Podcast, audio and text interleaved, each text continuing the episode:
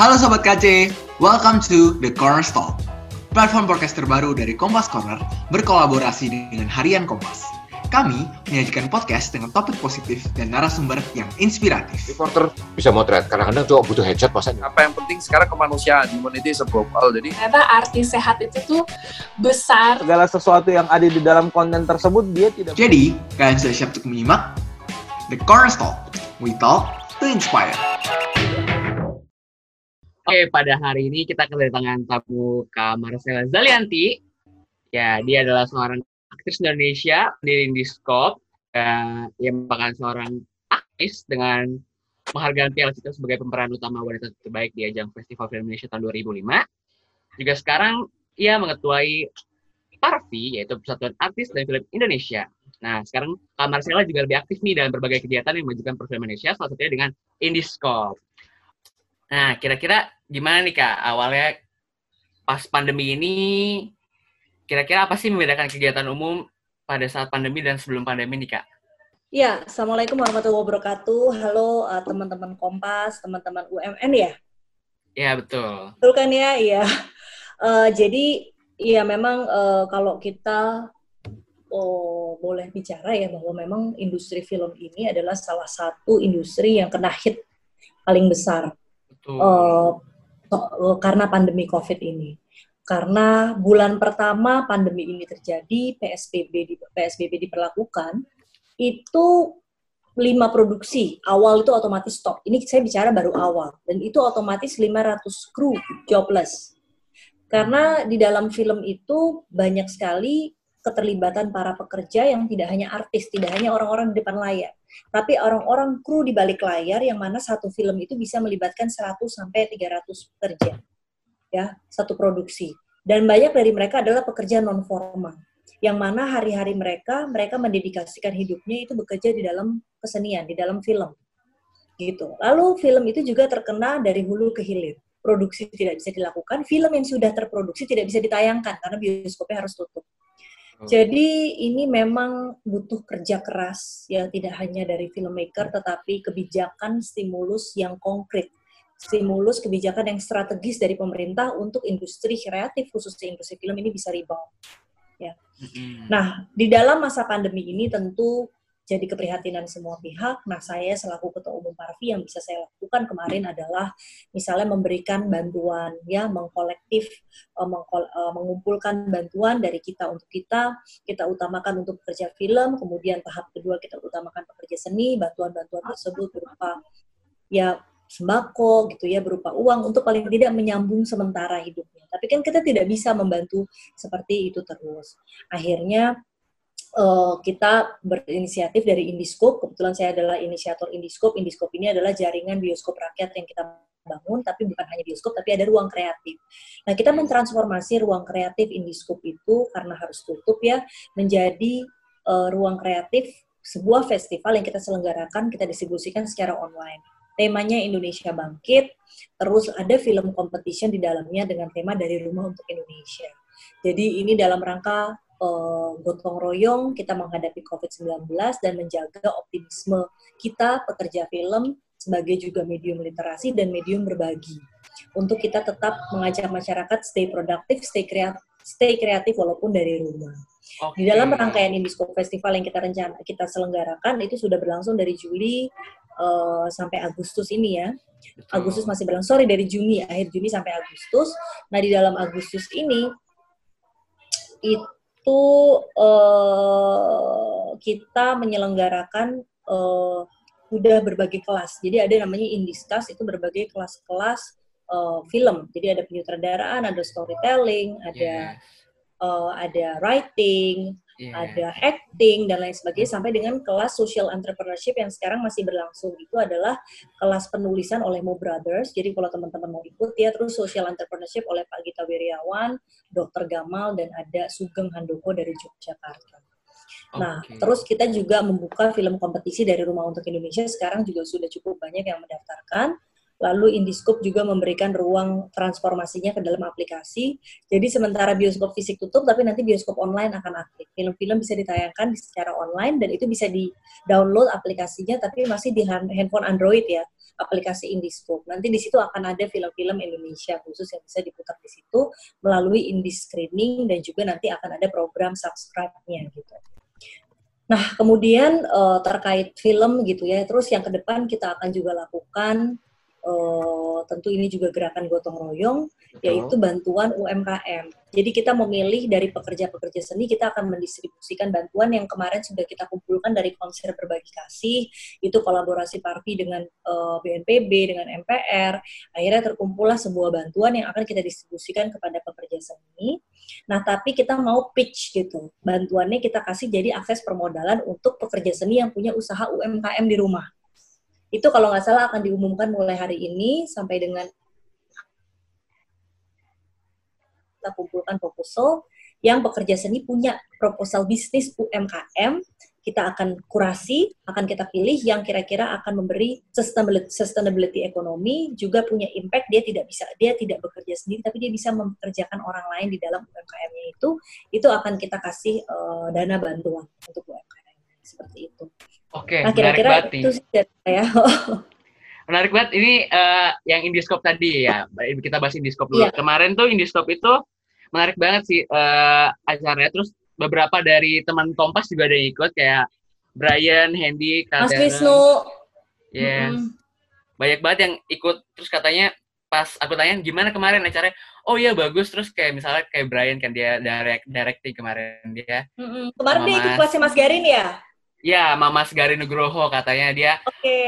Oke okay banget tuh. Terus aku juga ikut nih yang script writing tapi masih bulan Agustus nanti. Kita tunggu okay. aja deh yang Yang sama Mo Brothers ya? Iya, betul. Nanti sama sama okay. Mo Brothers. Oke. Okay. Terus ini yang aku tadi highlight itu pada saat Kak Marcella itu yang gak, yang cara membantunya itu bukan hanya dengan cara mereka modal tapi sustainability itu dalam Indiscope atau sebagai ketua Parvi tuh kak yang itu sebagai itu. ketua Parvi kalau itu sebagai oh. ketua Parvi iya oke okay, menarik kalau yang bantuan UMKM kalau Indiscope ini kan dia basisnya adalah uh, lebih kepada uh, kelas ya kita membangun SDM-nya jadi yeah. pendampingannya, membangun SDM-nya, terus membuat jaringan menontonnya, jadi membuat platform distribusinya seperti itu. Jadi beda. Okay. Terus yang menarik yeah. lagi Indiscope ini khusus cuma buat film-film Indonesia ya kak? Sementara ini begitu. Artinya kalau tuh ada film luar kemarin kita seperti ada film Madani Film Festival. Mm-hmm. Kita kita tapi tetap pengutamaannya tetap film Indonesia. Oke, okay, pengutamaannya film Indonesia. Yeah. Terus kira-kira strategi apa nih kak buat kakak itu bersaing sama studio studio kan ini Indiscope tuh kayak Indiscope bioskop independen kan saingannya yeah. sama kayak supply chain yang udah gede kayak misalnya gak boleh sebut merek ya. Yang di sana lah, yang sebelah itu kan udah lebih gede. Cek, cek, kedengeran gak kak? Ya, iya, iya, udah. Terus? Oke, kira-kira gimana tuh kak e, cara kakak menghadapi persaingan itu tuh kak? Yang sama bioskop-bioskop lain kan udah ada yang lebih gede tuh kak. Nah, yang bioskop ini muncul cara untuk bersaingnya kira-kira gimana kak? Nah, uh, sebenarnya kita tidak bersaing. Jadi positioning kita kita tidak bersaing dengan jaringan bioskop yang ada, tapi kita melengkapi ekosistem perfilman. Jadi okay. selama ini ekosistem perfilman kita terkait infrastruktur bioskop itu hanya ada di kota besar, hanya memang dengan kualitas yang memang bagus yang patut kita banggakan, tapi memang diperuntukkan untuk masyarakat menengah atas. Nah visi misi saya adalah bagaimana film Indonesia, bagaimana produk-produk kesenian itu harus bisa diakses, harus bisa bisa dinikmati oleh seluruh lapisan masyarakat tidak terbatas. Jadi itu harus ya harus bisa dijangkau oleh lapisan yang paling besar gitu which is dari sisi harga dan lain sebagainya harus bisa lebih dijangkau dan juga dari letak geografis mungkin di tempat-tempat yang belum ada bioskop besar atau bioskop jaringan besar yang sudah ada jadi sebenarnya tujuannya kita lebih melengkapi ekosistem jadi kita sama sekali tidak bersaing dengan yang sudah ada seperti itu sih. Oh, oke oke oke. Ya. Paham. Oke, terus gimana nih Kak transformasinya kan dari aktris terkenal nih, terus tiba-tiba dari aktris yang memainkan berbagai film, sinetron, terus tiba-tiba uh, masa transisi itu gimana sih kak dari kakak aktris terus tiba-tiba menjadi ketua Parvi terus Indiscope itu kira-kira gimana tuh kak masa transisinya itu? Masa transisinya tuh aku memang mengawali di dalam industri film itu dari artis ya dari aktris gitu karena sebetulnya memang mungkin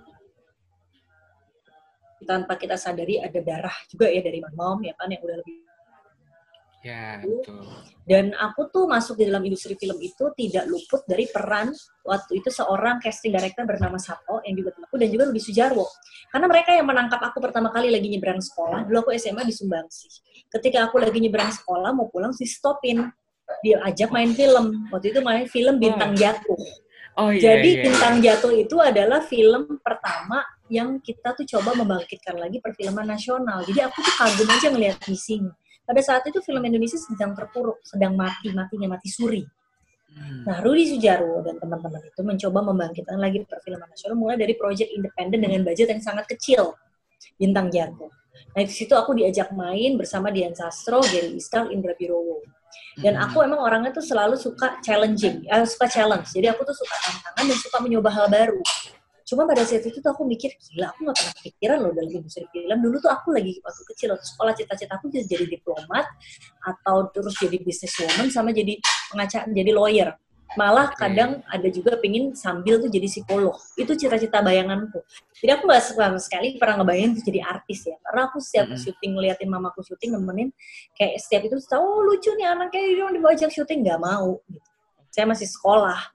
Terus aku mikirnya gila kerja syuting tuh kayak bisa dari pagi sampai pagi tidak mengenal waktu. Orang tuh ngeliatnya film munculnya sebentar sinetron padahal kerjanya tuh luar biasa banget jam kerja mereka lebih dari kuli menurutku. Iya. Terus udah gitu jadi aku tuh nggak pernah kepingin dan aku orangnya memang pema- pemalu banget kan kaku. Jadi aku lebih cenderung tuh kayak untuk lebih suka di balik layar. Tapi aku memang hobi banget nonton film dan baca buku cerita Hmm. Nah, sampai suatu saat karena ditawarin terus ngeliatnya karena oke teman-teman juga yang main terus Hmm. aku pikir hmm, ya udah deh coba deh gitu yang penting Oke. aku baru bisa habis sekolah ya gitu Oke. Eh, terus ya udah coba aja deh nggak tahu bisa nggak tahu enggak nggak tahu sekarang bawa apa, manggis ya, Kak. cuman support aja nih karena ada teman-teman di situ terus juga ngelihat ada misi yang baik dari eh, pelaku perfilman pada saat itu dan film Indonesia mati suri kayaknya nih aku harus dukung deh gitu kan ya udah akhirnya bintang jatuh menjadi pijakan pertama kemudian dilanjutkan Rudy bikin lagi judulnya apa ya film action tuh saya lupa ada di action saya jadi kucing kuning pokoknya di film itu Oke. Nah, udah dari situ bergulir saya mulai iklan, eh, masuk ke industri iklan ditemuin sama Ipang Wahid.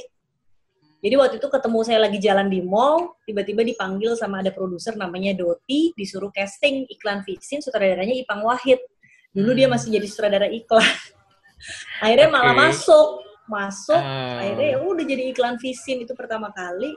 Terus ya udah, terus ada desainer teman saya, sahabat saya Aran Saadi, membantu dia untuk show. Jadi saya tuh selalu misinya tuh semua pertama itu yang show ngebantu teman, film juga oke deh karena kenal karena apa. Jadi kayak gitu tuh semua awalnya nggak ada. Saya Hmm. mulai dengan kayak ikut eh, lomba atau eh, audisi-audisi apa gitu ya. Terus itu karena dipaksa diajak coba. Tapi akhirnya I'm in love with this industry. I'm in love with Ah, Oke. seni peran karena mencoba bintang itu dan I want to learn more. Intinya itu Hmm. saya pengen belajar lebih dalam karena saya melihat bahwa gila ini impactnya sebuah film tuh luar biasa not only to our life gitu ya kehidupan kita kita tuh bisa belajar banyak eh, sosial budaya eh, psikologi gitu di dalam ketika kita memerankan sebuah tokoh. Itu kita bisa dapat wawasan yang begitu banyak. Kedua film ini punya impact menurut saya gila. Ini orang tuh bisa berubah pikiran. Pikiran orang perilaku menginspirasi orang. Nggak sekedar media hiburan aja ketika kita nonton film karena itu bisa terbawa kan dan Hmm. berubah perspektif kita setelah kita nonton film ini. Jadi buat saya gila ini film impactnya luar biasa. Jadi akhirnya saya mau mendalami ini dan akhirnya saya terus bermain sampai saya dapat penghargaan uh, Best Actress pada saat itu di Piala Citra tahun berapa tuh saya lupa. Yes, 2005, Kak. terus dari situ ya terus saya udah mulai mulai punya tuh kegelisahan kegelisahan saya pengennya begini nih pengennya gini. Nah nggak bisa lo ngatur-ngatur jadi pemain. Katanya lo main ya main aja. Oh. bikin sesuatu tuh lo mau ngatur-ngatur pengen menyampaikan your idealism pikiran Iya. kamu ya you have to be a producer Oh, udah rebellious di sini ya, akhirnya Kak. ya? Rebellious, jiwa Iya. jiwa rebelnya keluar. gitu Rebelnya pengen jadi sutradara tuh, Kak, Aku kalau nggak salah ya. sih akhirnya. Memang aku sama sekali Oh, produser. bercita-cita jadi sutradara. Akhirnya aku pertama kali Oke. memproduksi itu film Rastri Ros Jarot, tapi di demo-demo jadi nggak terwujud. Terus akhirnya pertama Oke. eh, film Batas, lalu film Recto Verso. Oh lalu iya, Recto Verso. Nah di Recto Verso itu aku menyutradarai film pendek karena itu memang ada lima sutradara waktu itu perempuan semua. Aku Iya. produserin ada Happy Salma, Katie Seren, Rahel Mariam, Olga Lydia sama aku. Nah, di situ aku menyutradarai Malaikat juga tahu dan alhamdulillah Iya. dapat best director untuk segmen Malaikat. Wih, mantap. Jadi kayak tahu. di Piala Maya ya kalau nggak salah pada saat itu dan Recto Verso sendiri dapat Special Jury Award di Asian Film Festival. Mm-mm. Jadi kayak itu pengalaman pertama yang sangat kompleks, yang berkesan banget, bisa kerja sama-sama Glenn, terus uh, terus juga aku pengalaman menyutradarai gitu kan. Nah itu tapi lebih ke belajar aja dan punya experience itu berharga banget buat Mm. aku. Tapi sutradara itu memang bukan cita-cita aku. Aku lebih ke bermain dan producing ya, produksi seperti itu. Bermain dan produksi. Terus nih kak, kan eh, pas jadi produser dan sutradara itu eh, itu belajar itu pas pada saat pas kakak lagi jadi pemain tuh terus perhatiin semuanya oh kayak gini kayak gini atau kayak research nih harus kayak gini kayak gini atau gimana tuh kak kakak metodenya buat jadi produser atau sutradara itu? Sebenarnya konflik itu terjadi ketika menurut saya susah memanage ya ketika kita memerankan dua peran produser dan sutradara. Menurutku lebih enak produser dan main seperti aku di film Batas itu aku main terus aku produser. Mm-mm. Karena eh, produser itu kan harus menjaga tidak hanya soal kreatif ya, tapi juga budgeting seluruh penyelenggaraan syuting gitu. Sementara sutradara itu pasti punya ego. Gue masih butuh hari lebih untuk supaya lebih bagus. Sementara produser harus menahan. Nggak bisa harinya hanya bisa segini. Sementara aku jadi sutradara, terus aku juga produser. pas pas produser. pas recto verso. Jadi tuh kayak ah, ya gitulah aku harus tetap memperjuangkan secara kreatif begini tapi gue tahu keterbatasan which is gue harus coba bermain di dalam keterbatasan itu gitu jadi ya ya begitulah gitu tapi kalau film bermain kan kita totalitas kita hanya sebagai uh, aktor kita menvisualisasikan menerjemahkan apa kata naskah dan atas arahan sutradara. Seperti itu. Jadi saya harus menghilangkan peran saya sebagai produser ketika saya menjadi aktor. Dan itu bisa dilakukan. Tapi ketika menyutradarai gitu pasti akan ada ya side to sides gitu ya yang, yang harus kita uh, coba lebih susah untuk kita membalance itu gitu. Tapi well saya udah pernah melewati itu walaupun hanya pendek gitu tapi mudah-mudahan ke depannya itu jadi uh, pengalaman yang berharga dan dan mudah-mudahan ini juga bisa jadi inspiring teman-teman nih yang masuk film bisa kok bikin film sendiri you direct it you producer you main Hmm. bisa gitu Mm-mm. luar negeri bisa terjadi. Pertama kita menghemat budget. Kedua kedua kita bisa ya pasti menjiwai akan lebih penuh karena menjadi sutradara itu kita tidak hanya menjiwai cerita menurut saya, tapi kita harus menjiwai seluruh karakter yang kita hidupkan. Hmm. Itu penting. Karena bagi saya, oke jam terbang memang nomor satu penting, tapi penghayatan itu tidak kalah penting.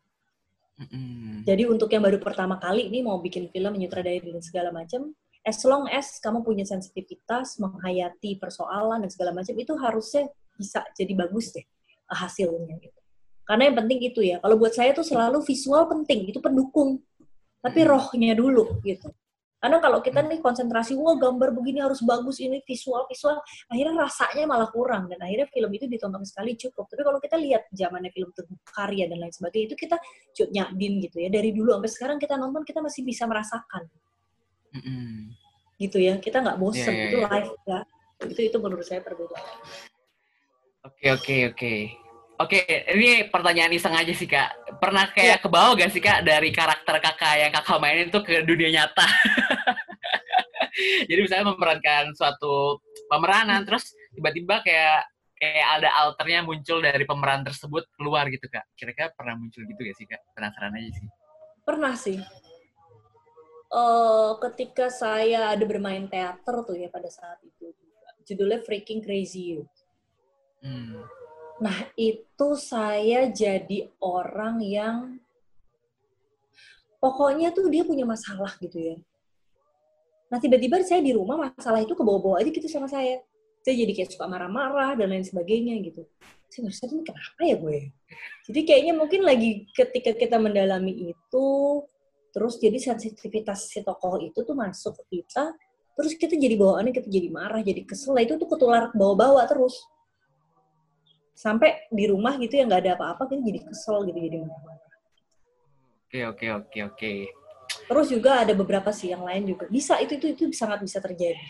Makanya memang jadi aktor tuh berat loh. Jadi aktor tuh nggak gampang karena ada proses masuknya karakter itu juga sendiri dan proses keluar kita dari karakter itu juga sendiri.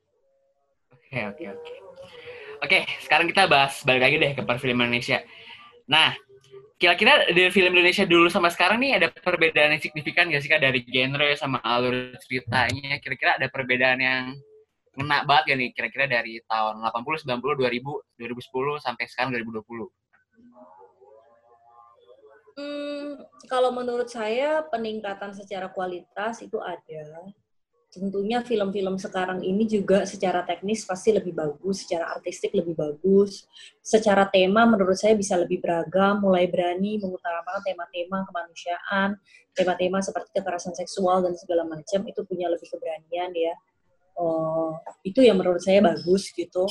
Terus uh, tapi juga karena mungkin uh, banyaknya jumlah produksi dan kadang-kadang tuh satu sutradara atau apa tuh sudah bisa mengerjakan tidak lagi satu gitu kan banyak Hmm. misalnya bergantian cepat kadang-kadang tuh menurut saya intensitas perasaan atau emosi gitu-gitu rasanya film tuh saya ngelihat nggak usah sebutin misalnya ada satu film di direct sama orang ini dulu karena dia masih ngerjainnya tuh satu-satu tuh kayaknya keren banget jadinya tapi ketika dia udah mulai mengerjakan banyak tuh kayaknya beda juga hasilnya gitu Eh, paling lebih ke situ. Tapi paling tidak sekarang ini kalau perbedaannya dari dulu, menurut saya dulu itu punya kedalaman dan film-filmnya bisa dinikmati dari dulu hingga sekarang. Tapi kalau yang sekarang nggak terlalu banyak film-film yang bisa dinikmati dan cukup lama gitu. Maksudnya artinya film itu lebih banyak kuat di visual, eh, tapi drama Turkinya itu memang sama cerita ya, rohnya di dalam cerita. Kita menurut saya sedikit skrip-skrip yang yang bagus walaupun saya tahu potensinya tuh kita tuh luar biasa. Cuman kadang-kadang mungkin produksi sekarang kurang punya banyak waktu dalam developmentnya dalam persiapannya mungkin lebih ke situ sih. Tapi kalau secara jumlah produksi sekarang alhamdulillah sudah meningkat. Secara kualitas SDM-nya juga menurut saya juga meningkat terus eh, secara teknikal juga ada peningkatan jadi ya kita patut optimis terhadap perfilman Indonesia ke depan. Uh, tinggal bagaimana dukungan masyarakat Indonesia itu sendiri untuk lebih bangga, lebih nonton banyak nonton film Indonesia dibanding film luar, dan juga bagaimana nanti coba mungkin harus ada kebijakan-kebijakan yang strategis yang mendukung bahwa kita tuh perlu film-film yang bisa membawa Indonesia ke internasional tanpa harus hanya berpikir penonton dengan jumlah layar terbatas seperti sekarang ini. Dan menurut saya untuk hal-hal itu memang kayak negara tuh juga harus hadir gitu. Untuk paling tidak setahun kita punya satu film yang bisa kita bawa ke Oscar kek. Harus kita bantu dulu keluar gitu yang yang ya yang tidak harus berhitung angka budgetnya tuh dengan jumlah bioskop sekarang, jumlah penonton yang bioskop sekarang. Akhirnya tetap serba tanggung terus film-film yang harusnya bisa jadi film besar. Itu sih. Mantap, saya. golnya Oscar ya kak, mantap banget nih. Nah, terus Saya nih, beberapa dari- kali soalnya jadi juri uh, Oke. juri Oscar untuk Indonesia. Jadi film Indonesia Wow. kita, kita jurikan untuk yang dibawa ke Oscar. Gitu. Saya Oke. beberapa jadi juri itu. Oke, nah kan pengalaman kakak juga ini sebagai juri. Kira-kira tadi kan yang kita bahas karakteristik menurut kakak film yang bagus tuh yang bisa dinikmati dari dulu sampai sekarang, terus penjiwaan yang bagus dari para tokohnya terus skrip yang bagus. Kira-kira selain dari itu karakteristik kakak menurut kakak itu film yang bagus itu gimana sih kak? Karakteristik Ada speciality atau ada is emas nih kalau ini ya kayak kayak gitulah kak. Kira-kira ada gak kak? uh, film yang apa film gimana yang film bagus ya? Iya film yang bagus kira-kira gimana lah gitu. Hmm, kalau menurut saya sesimpel film yang bagus buat saya ya. Film itu ceritanya jelas. Jadi kita tuh tahu tema cerita dan pesan daripada cerita itu apa dan se- semua adegan dan juga dari aktornya ketika memainkan itu kita bisa merasakan. Rasa itu nyampe ke kita. Dan kita memahami. Itu aja sih. Dan kita bisa bertahan dari awal sampai akhir tanpa harus kita merasa bosan. Gitu.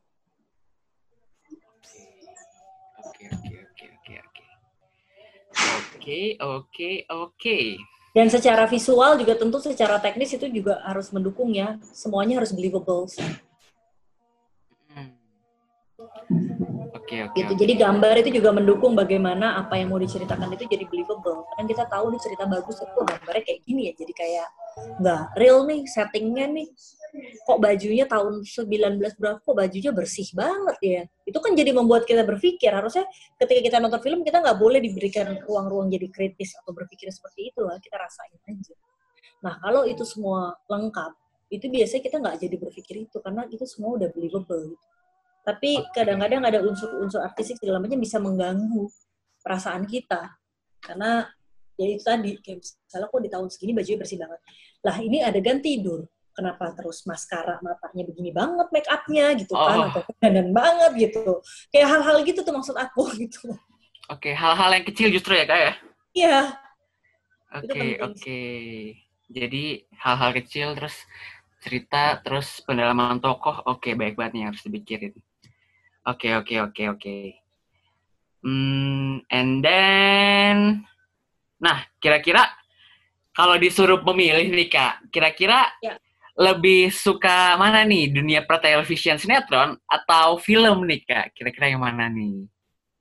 kalau saya sih film ya Oke. sampai saat ini. Bukan berarti saya bilang sinetron itu lebih kurang dari film, enggak. Saya justru Hmm. salut dengan aktor-aktor sinetron tuh yang bisa bekerja dengan waktu yang sedemikian, kayak kejar tayang.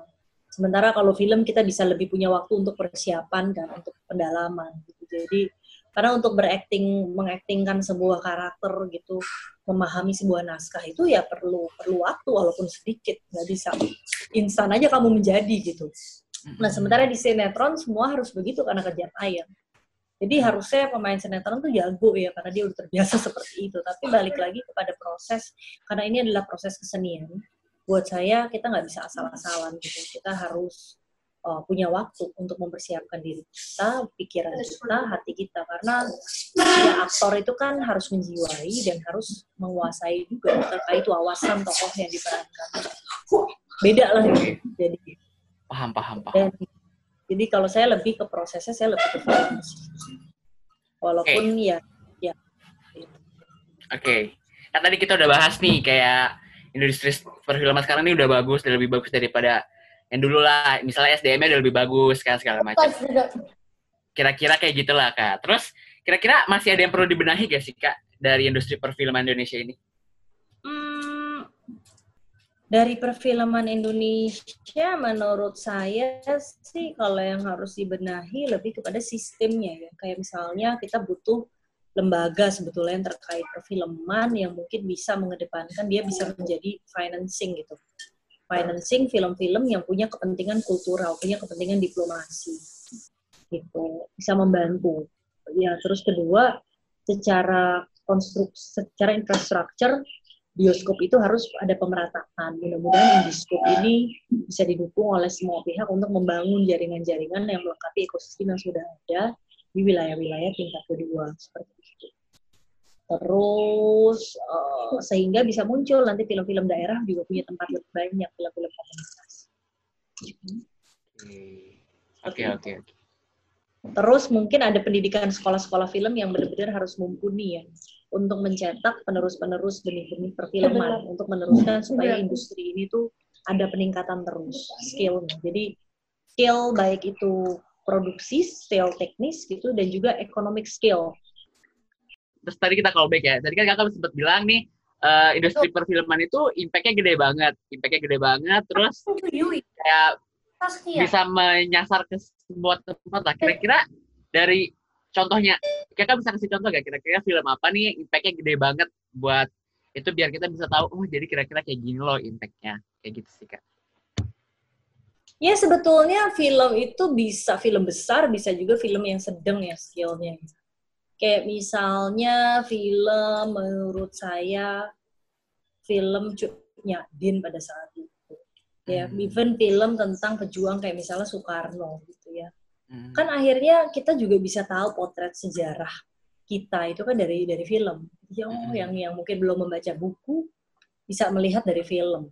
Terus mungkin kayak misalnya ada film-film eh, seperti eh, Laskar Pelangi ataupun apa gitu ya yang beberapa. Itu kan jadi Oh, membuat oh anak-anak daerah itu punya optimisme, punya kepercayaan diri, terus juga memperkenalkan budaya dan pariwisata sempat. Jadi bisa loh dengan film itu tiba-tiba pariwisata daerahnya itu langsung naik. Seperti itu. Terus juga kayak misalnya ya kita nonton Rainbow deh dari film Amerika gitu dulu. Kita kan kalau taunya Amerika wow super power gitu kan. Karena sebuah Rainbow, sebuah tokoh Rainbow. Nah menurut saya Indonesia juga ada tokoh-tokoh yang hebat sebetulnya yang bisa memberikan inspirasi buat anak mudanya, tapi juga bisa membuat orang luar tuh wah gila ternyata Indonesia punya ya tokoh-tokoh seperti itu. Itu sebenarnya bisa dipinjam. Seperti yang sekarang ini aku lagi develop film Laksamana Malahayati. Jadi dia the first lady admiral Oke. perempuan Oh, gitu. the first admiral Jadi- lady. Iya, the first lady admiral in the world pada saat itu. Itu sampai Oh. membuat Ratu Elizabeth pertama mengirim Lancaster ke Aceh untuk mencari siapa nih perempuan ini yang bisa membunuh Cornelis de Houtman dengan ini. Nah, Cornelis de Houtman itu adalah penjahat Belanda tuh pada saat itu yang lumayan ditakutin. Cukup ditakuti gitu. Jadi, ya ini tokoh-tokoh seperti ini. Tapi kan kita sebenarnya kalau di luar mungkin harus ada Jurassic Park, harus create. Kita punya Komodo loh, gitu terus Hmm. harus ada Wonder Woman. Kita punya loh Laksamana Malahayati gitu. Wonder Woman misalnya. 1984. Kita punya Belum nonton. Kita Iya. kan Iya, gara-gara corona pengen nonton. iya, sayang. Setelah pandemi ya.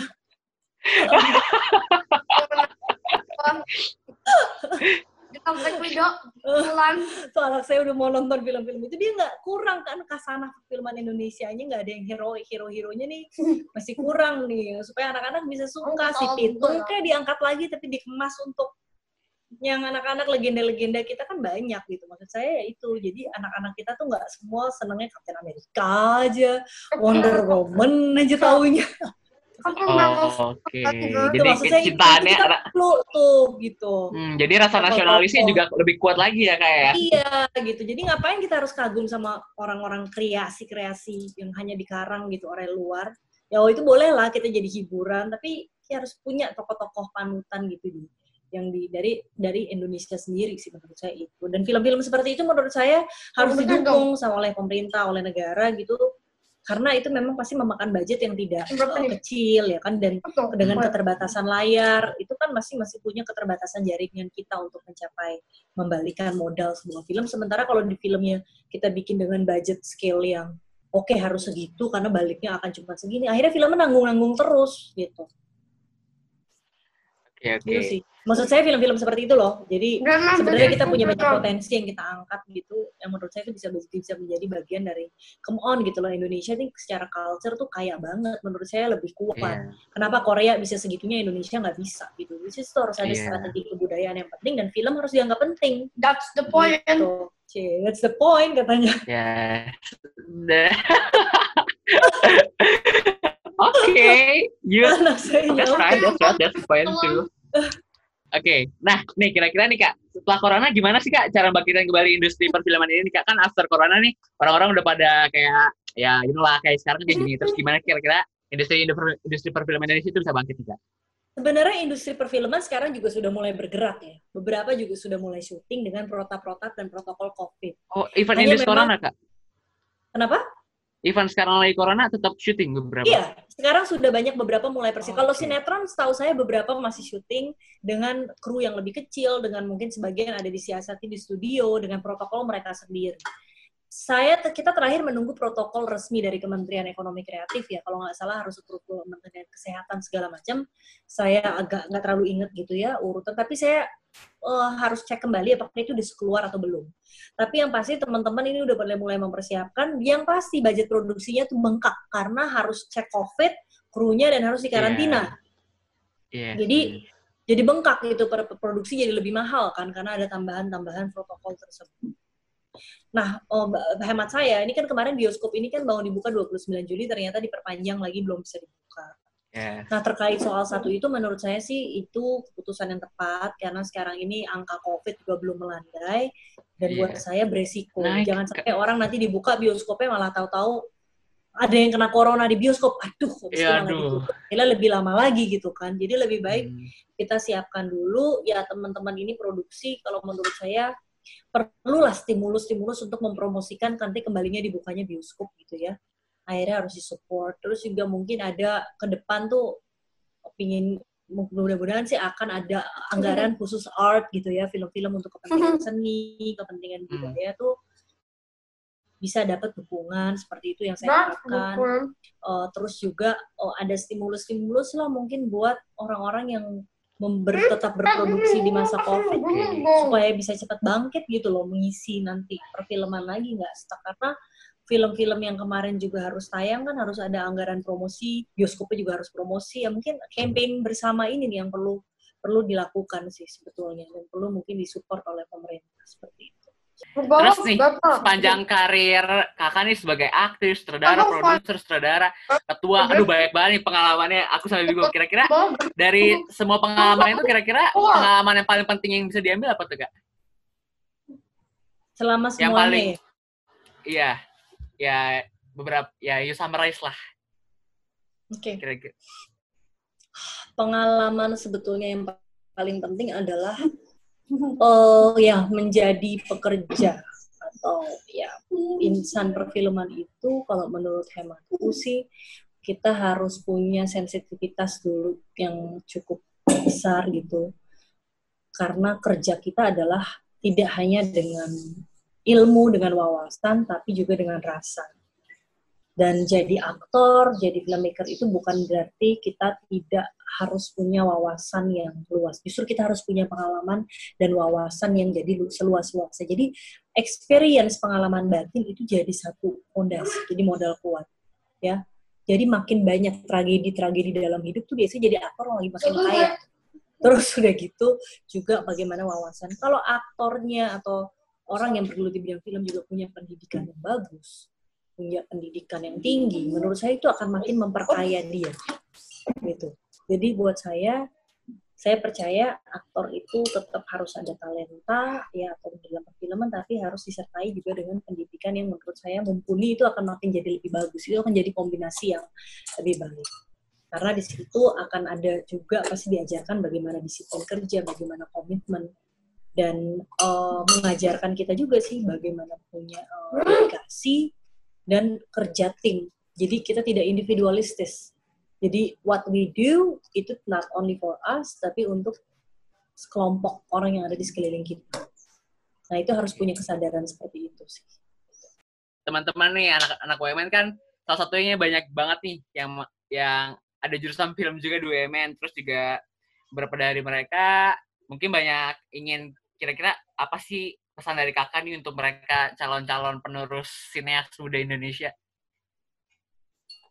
eh terus berkarya sih menurutku harus berani eh, just write that down tuliskan whatever you think what you whatever you think di dalam sebuah kertas dan apa pun experience hidup itu bisa jadi cerita mulai dari situ dulu coba tuliskan ceritamu dan coba visualisasikan cerita itu ke dalam sebuah gambar.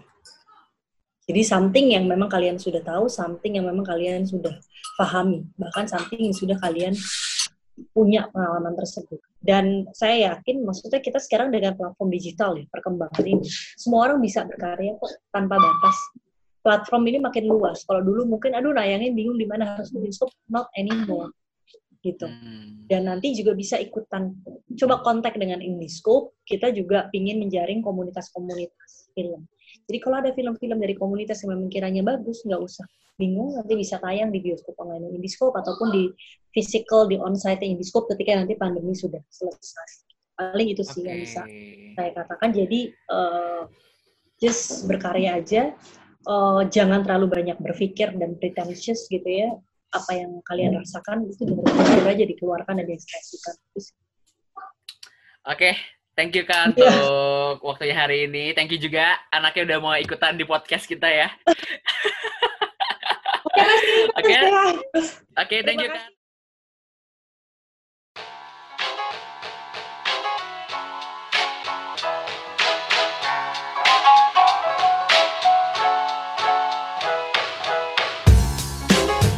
Thank you for listening to our podcast. Listen to us through Spotify, Apple Podcasts, or your favorite podcast platform. Jangan lupa follow Instagram dan Twitter kami di @kompascorner serta subscribe YouTube Kompas Corner juga nih Sobat KC. Temukan kami juga di muda.kompas.id bersama kumpulan informasi paling terpercaya melalui kanal kompas.id. Anyway, see you in another episode. The Cornerstone, we talk to inspire.